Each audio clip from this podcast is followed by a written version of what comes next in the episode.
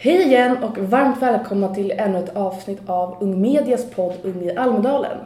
Här sitter jag, Bodil Keisu, med Axel Hallberg som är klimatpolitisk talesperson för Grön Ungdom för att prata om klimatet. Varmt välkommen! Tack så jättemycket. Jag tänkte inleda med att fråga lite om ditt engagemang. Hur kommer det sig att du började engagera dig just i Grön Ungdom? Jag gick med i Grön Ungdom eh, för fyra år sedan, 2013. Mycket tack vare frågor som rör antirasism och eh, invandring. Det var ju en tid då eh, Sverigedemokraterna växte väldigt mycket och det gör de ju tyvärr fortfarande. Och jag såg Miljöpartiet och Grön Ungdom som den tydligaste motpolen mot den utvecklingen. Men har det verkligen varit så? Jag tänker att Miljöpartiet har suttit i en regering som till exempel beslutat om utvisningar till Afghanistan. Mm. Är du besviken på Moderpartiet? Jag tycker inte att vi ska utvisa eh, människor till Afghanistan eh, och inte ensamkommande barn framförallt. Jag, jag kan vara besviken eh, ibland, men min ingång är ändå att vi ska sitta i regering för att göra skillnad. Miljöpartiet gör skillnad i regering, framförallt på eh, miljö och klimatområdet och det är otroligt viktigt för Sverige och för världen. Och om du skulle få visionera, vad, mm. vilken reform tror du skulle vara viktigast för att främja ett mer hållbart Sverige? Vilken enskild reform? I närtid eh, tror jag verkligen att det är höghastighetståg. Vi måste se till att ha ett fungerande järnvägsnät så att folk kan välja hållbara transportsätt som tåg framför till exempel flyget. Och vad behövs göras då för att det ska bli så? Ja, vi behöver nya stambanor eh, mellan Malmö och Stockholm och mellan Stockholm och Göteborg där det går att köra höghastighetståg. Dels för att folk ska kunna ta sig snabbt mellan de här städerna men också för att den regionala trafiken ska fungera.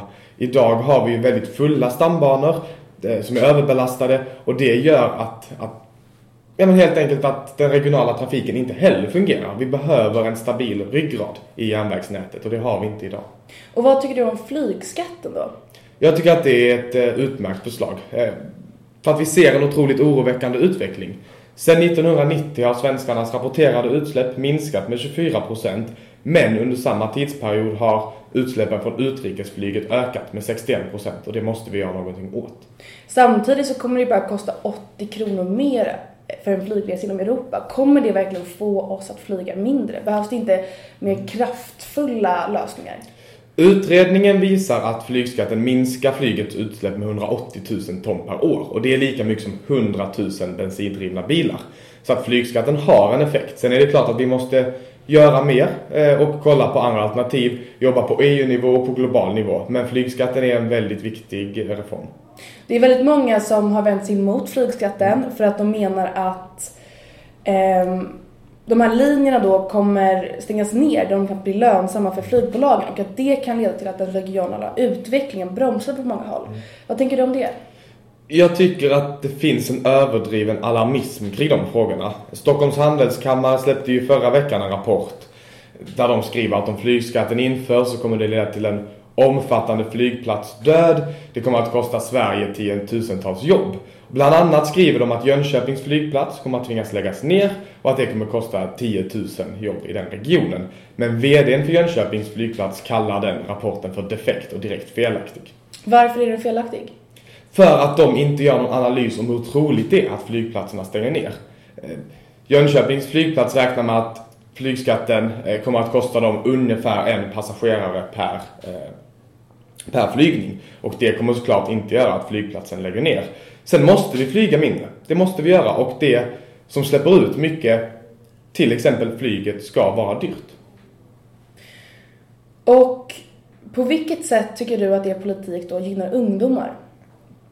Först och främst så är det ju vår generation som kommer att behöva lösa effekterna av klimatutmaningen och det är vi som kommer behöva ta eh, den stora smällen om vi inte tar oss an klimatutmaningen och minskar våra utsläpp.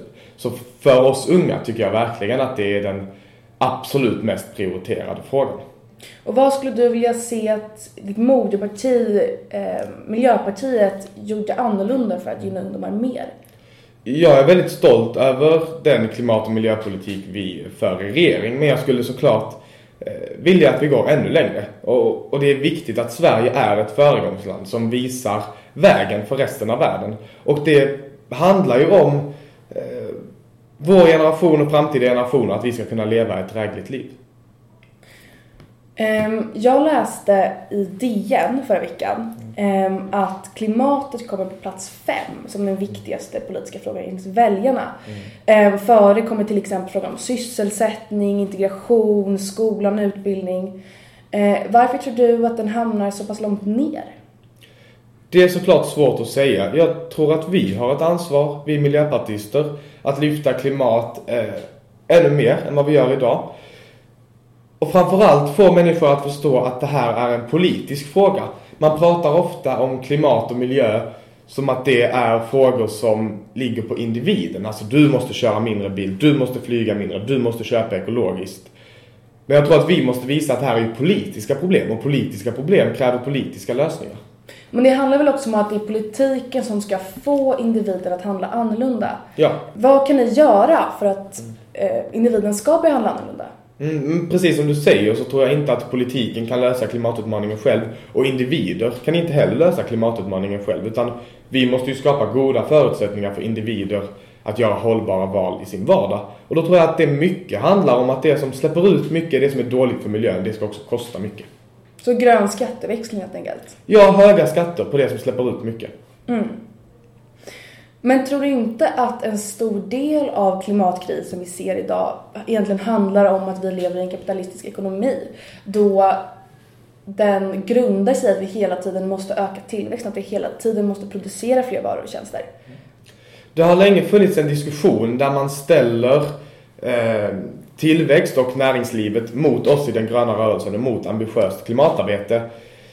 Och det kan finnas poänger i det, men jag tror att den retoriken också kan vara farlig. Det jag ser nu när jag är i Almedalen eh, och när jag träffar företag vid andra tillfällen är att väldigt många vill ställa om och vill vara med och ställer krav på oss politiker att vi ska sätta långsiktiga och tydliga regelverk. Så jag tror att vi måste ställa om vår ekonomi till att bli mer cirkulär. Men vad jag förstått det som och vad jag läst är att utsläppen inte kommer att minska även om företagen ställer om till en mer klimatsmart bana om tillväxten fortsätter att växa. Eh, då företagen bara kommer producera mer och mer varor och tjänster. Vad tänker du om det? Jag tänker att vi måste skapa ett mer cirkulärt system där vi återanvänder, där vi återvinner, där vi delar eh, på de varor vi köper. Vi delar på eh, våra fordon, vi delar på bilar, vi använder bilpooler, eh, vi delar på våra kläder. Att man äger mindre och delar mer. Och jag tror också att vi kommer behöva ställa om till att eh, konsumera mer tjänster än varor. Men alla är medvetna om klimatkrisen. Eh, Men varför är det så få som gör någonting? Varför är det inte fler grannar som delar på en bil till exempel? Varför handlar man inte ekologiskt fast man vet att man borde? För att vi i politiken måste göra mer. Jag tycker inte att vi kan förvänta oss att individer ska ta ansvaret för att lösa klimatutmaningen. Utan vi måste se till att det finns goda förutsättningar att göra rätt val, att köpa det som är klimatsmartast, att dela på till exempel eh, bilar i bilpooler, att göra val som är bra för klimatet. Det, det är vi politiker som har det ansvaret att skapa de förutsättningarna. Och hur ska, ni, hur ska ni gå tillväga? För som det ser ut i opinionssiffrorna så har Miljöpartiet backat ganska mycket. Eh, senast jag såg så låg Miljöpartiet på 5,8. För att ni ska få igenom er politik måste ni väl växa? Hur ska ni göra det? Jag tror att vi kommer att växa väldigt mycket när vi inför valet visar all miljö och klimatpolitik som vi har fått igenom i regering. För det är otroligt mycket. Vi har ökat svensk miljöbudget med 82%. Och jag tror att väldigt många bryr sig om klimatfrågorna och förstår att det här är en otroligt viktig utmaning. Så jag tror att det handlar väldigt mycket om att visa vad vi gör på klimat och miljöområdet och också visa vad alternativet är. För alternativet är ju en moderatledd regering. Moderaterna vill skära ner en fjärdedel av miljöbudgeten och det vore en katastrof. Och då till sista frågan. Eh, vad är ditt bästa Almedalen-tips? Mitt bästa Almedalen-tips är att gå och ta gratis kaffe hos Svensk Handel vid Donners plats. Är det gott kaffe? Det är väldigt gott kaffe. Bra tips. Eh, då ska jag tacka dig så himla mycket för att du kom hit och så önskar jag dig lycka till med allt under de resterande dagarna. Tack så mycket.